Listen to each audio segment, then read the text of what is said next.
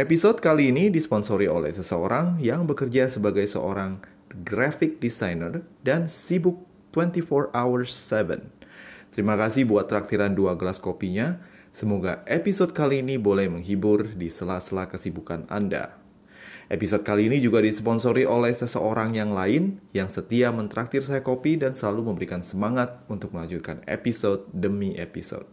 Terima kasih untuk dukungan kalian semua. Podcast ini ada karena support dari para penggemar dan jika Santuiers berkenan untuk memberikan support, bisa ke laman traktir mitologi santuy yang tersedia di deskripsi tiap episode. Hanya dengan 15.000 saja Anda sudah membuat saya semakin bersemangat dan sebagai tanda terima kasih, Anda juga bisa mendapatkan transkrip dari episode mitologi santuy yang bisa Anda baca.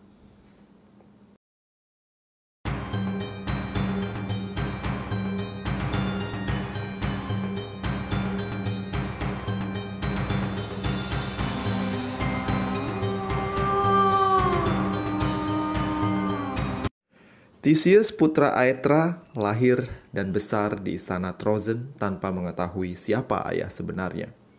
Sang bocah adalah kesayangan sang kakek, Raja Piteus, yang merawatnya bagai anak laki-laki yang tidak pernah dimilikinya. Sedari kecil, Pangeran Trozen ini amat menggemari olahraga dan cerita kepahlawanan.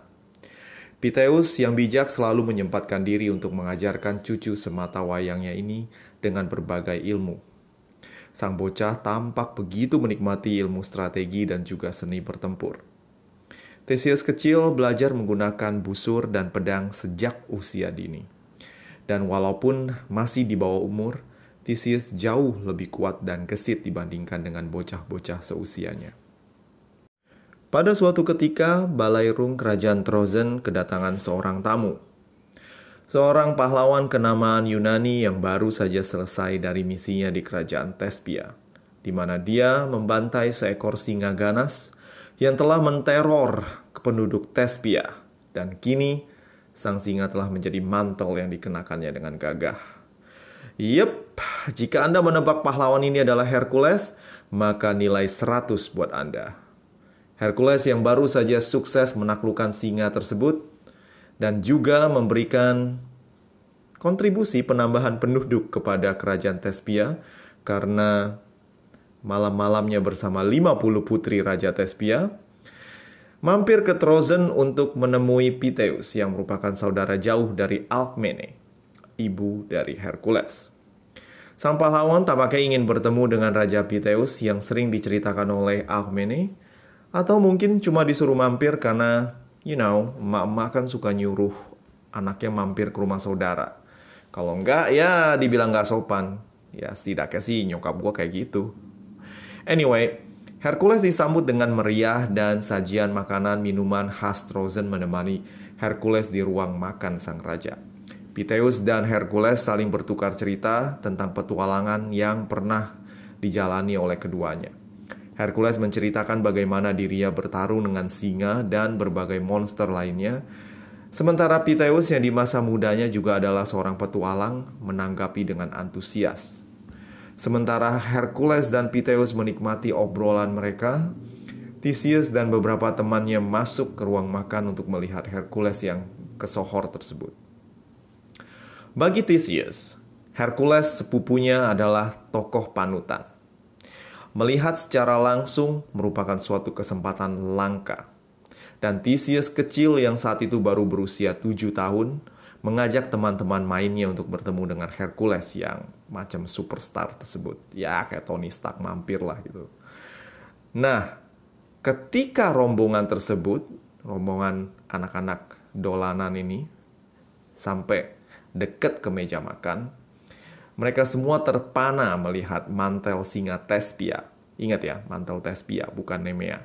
Yang ini dari kulit singa Tespia yang baru dibantai saat Hercules berkunjung. Jadi ini misi sebelum dia diperbudak oleh Orestes dan 12 you know, 12 misi berat yang dialaminya.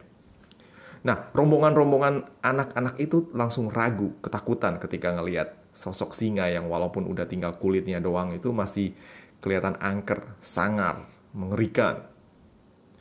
Semua ketakutan kecuali Theseus yang langsung mengambil pedang kayu mainannya dan memukul mantel singa tersebut bertubi-tubi.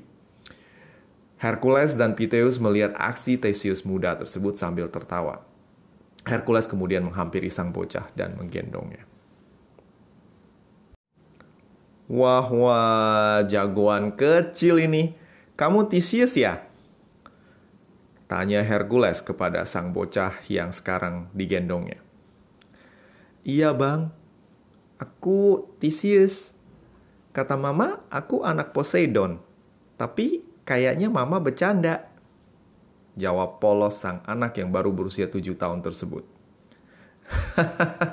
Theseus, mamaku juga pernah bilang kalau aku anak Zeus, tapi kayaknya dia serius. Cita-citamu apa, dek? Aku kepengen kayak abang, mau jadi jagoan. Hercules melirik Piteus dan sang raja mengangguk tanda mengiyakan keinginan sang cucu yang pemberani tersebut.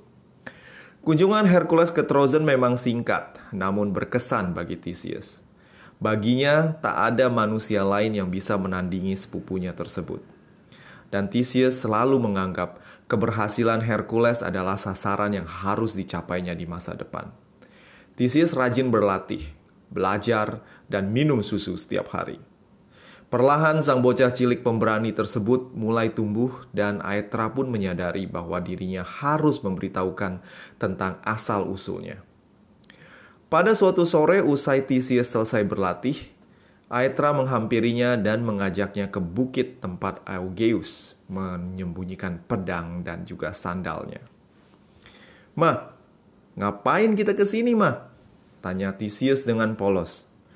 Us, Ingat gak waktu mama bilang kalau papamu Poseidon? Iya, mama bercanda kan? Um, gak juga sih. Papamu mungkin Poseidon, mungkin bukan, atau mungkin papamu sebenarnya ada dua. Hah? Apaan sih, Mak? Us nggak ngerti. Tanya sang bocah sambil kebingungan. Aitra pun kemudian bingung sendiri bagaimana menceritakan asal-usul sang bocah yang bapaknya tak jelas tersebut. Berhubung sang anak baru berusia 12 tahun dan menceritakan kisah bagaimana dirinya tidur dengan dua lelaki, yang satu lelaki biasa dan satu lagi adalah dewa, tentu akan membuat anaknya memanjang, memandang jijik dirinya dan juga akan mungkin membuatnya bingung. Akhirnya Aetra pun menunda memberitahukan siapa identitas ayahnya. Aetra meminta Theseus untuk mendorong batu besar yang ada di hadapannya. Theseus yang bingung melihat si ibu yang galau menurut saja dan kemudian walaupun Theseus adalah bocah yang kuat, dia belum bisa mendorong batu besar tersebut. Hmm, gak kuat ya? Gak bisa ya?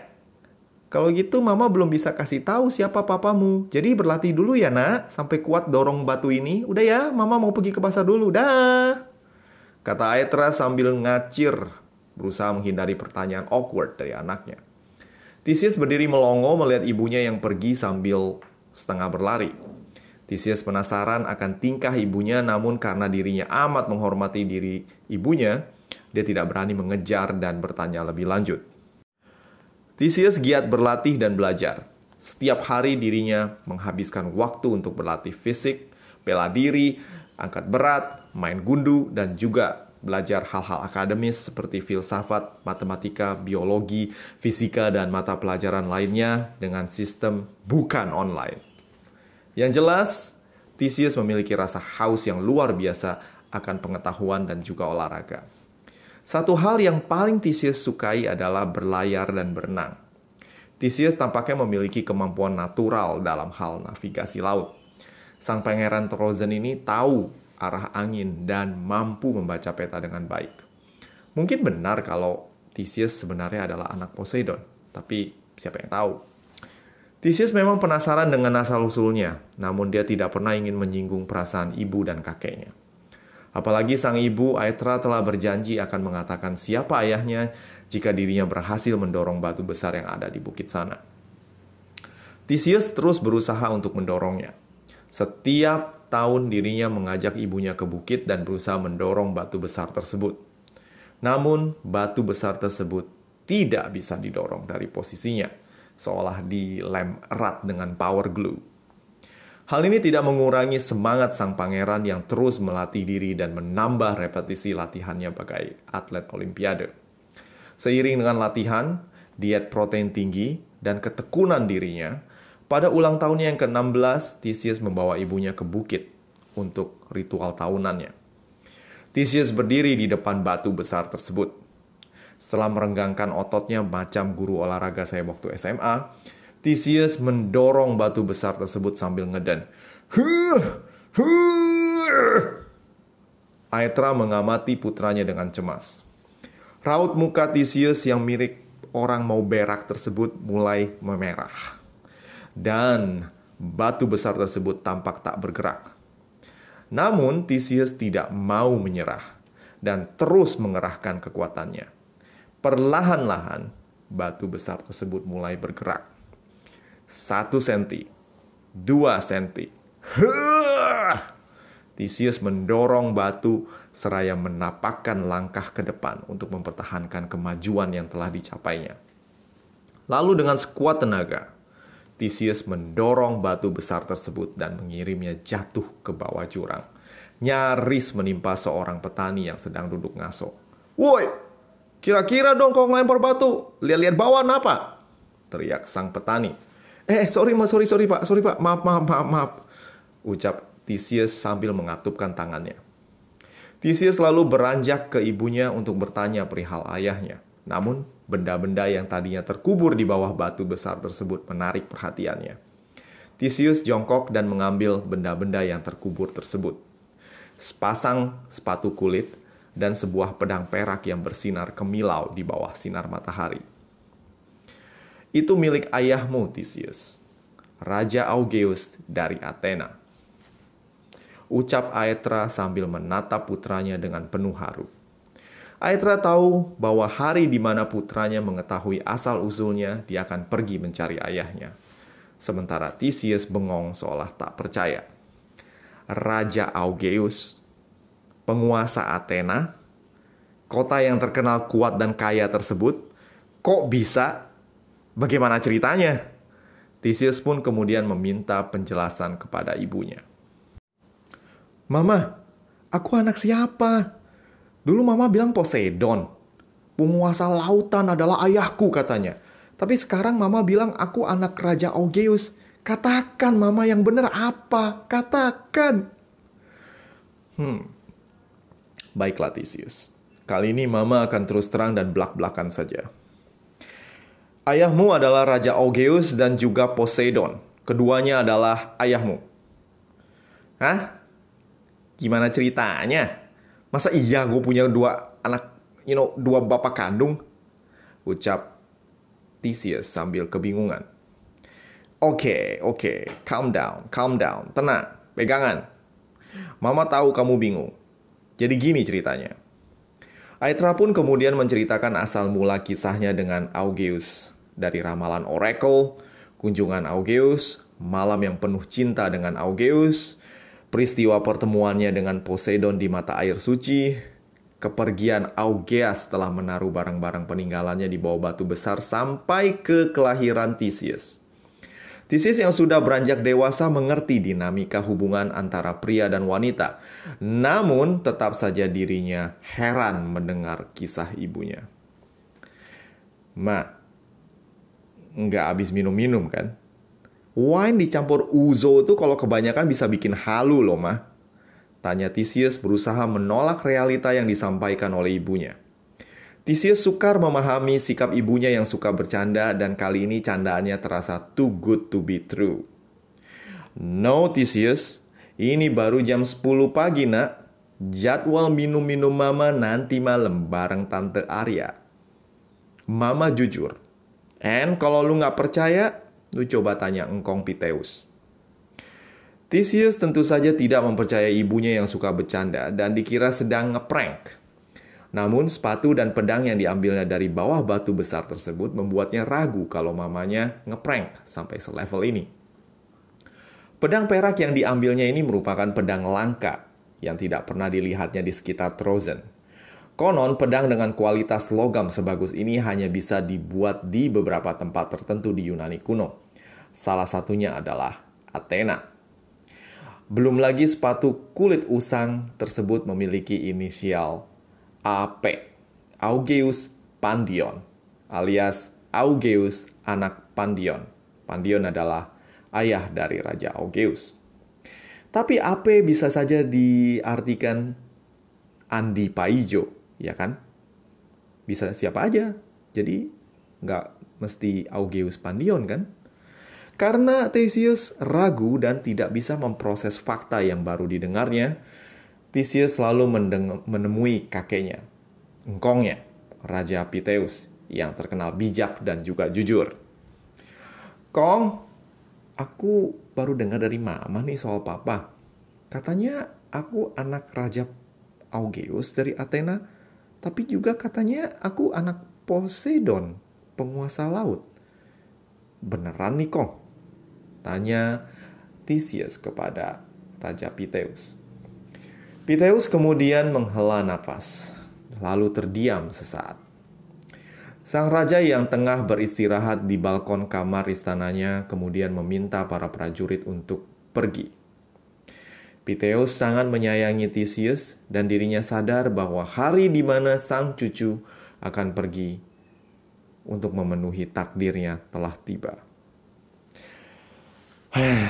Theseus, mamamu sudah bilang yang benar. Walau sukar diterima, kau memang anak dari Augeus dan Poseidon. Kau sudah ditakdirkan untuk menjadi seorang raja besar penerus dari tahta Trozen dan juga Attika, tempat kota Athena berada. Augeus, ayahmu sudah berpesan, jika dirimu telah dewasa dan sanggup untuk mendorong batu besar di bukit, kau berhak menemuinya dan menjadi pewarisnya. Pergilah Theseus, putra Augeus, pangeran Athena, dan juga penguasa lautan. Sulit bagi Theseus untuk tidak mempercayai ucapan kakeknya. Jika Raja Piteus sudah bersabda, maka itu adalah kebenaran bagi Theseus. Theseus yang berjiwa petualang langsung terbakar semangatnya dan tanpa ragu hendak menemui ayahnya. Piteus dengan senang hati mempersiapkan keberangkatan cucunya menuju Athena. Nah, ada dua cara untuk mencapai Athena dari Trozen yaitu dengan jalur laut, di mana Theseus tinggal naik kapal laut dan berlayar sekitar dua hari dua malam dengan kemampuan navigasinya yang keren itu, Theseus nggak akan mengalami masalah sampai di Athena. Selain melalui jalur laut, ada juga jalur darat yang lebih jauh dan jalur ini menyusuri garis pantai sampai ke Athena. Selain lebih jauh, jalur ini juga dikenal lebih berbahaya karena di sepanjang perjalanan akan ada banyak bandit, penjahat, perampok, monster berkeliaran, dan hal-hal yang mungkin akan mengancam jiwa dari Theseus. Piteus mempersiapkan kapal laut dan pasukannya untuk mengawal Theseus. Piteus juga membawa banyak hadiah untuk Raja Augeus dan berharap sang menantu dalam tanda kutip akan menerima cucunya dengan tangan terbuka. Segala persiapan ini disiapkan seharian dan keesokan paginya Theseus bisa pergi dan berangkat dengan bala, tentara, dan juga perbekalan yang cukup. Namun dasar Theseus yang memang berasa nggak greget kalau lewat laut, dirinya malah menghilang ketika kepala pengawal menganggilnya dari tempat tidurnya. Ketika pintu kamar dibuka paksa, Theseus sudah pergi meninggalkan sebuah surat yang bertuliskan. Kong, Ma, Us pergi jalan kaki aja ya.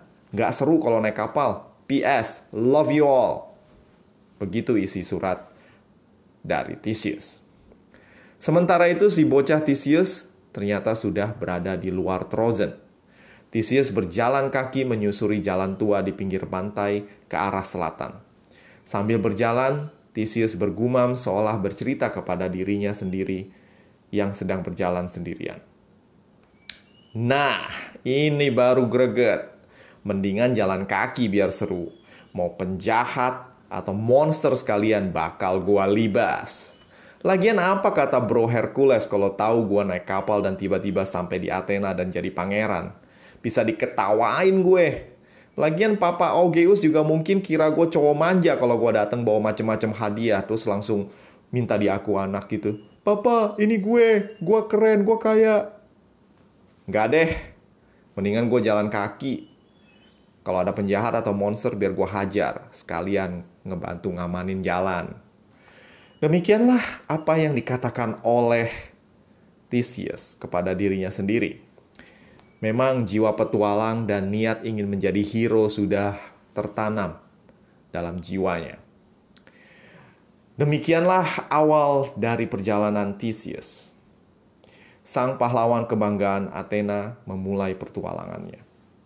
Tanpa diketahuinya bahwa keputusannya berjalan kaki menuju Athena kelak akan menjadi legenda yang diceritakan turun-temurun kepada orang Yunani dan dunia hingga kini.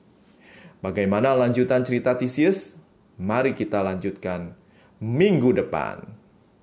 Oh iya, sebelum gua selesaikan dengan episode ini, gua ada pengumuman yang harus gua sampaikan. Mungkin episode minggu depan akan sedikit tertunda seperti juga sekarang. Apparently, uh, anak gue sudah mau lahiran dan gue bakalan sibuk untuk mengurusi proses persalinan dan lain-lain. Jadi, mohon maaf jika episode minggu depan akan ada agak sedikit tertunda. Terima kasih sudah dengerin dan juga sudah follow uh, podcast gue yang gue nggak nyangka kalau sekarang sudah mencapai 1,3 ribu alias 1.300 orang subscriber di Spotify thank you banget dan terus mendengar podcast gue ya. Thank you banget. So, I'll see you on the next episode. Ciao.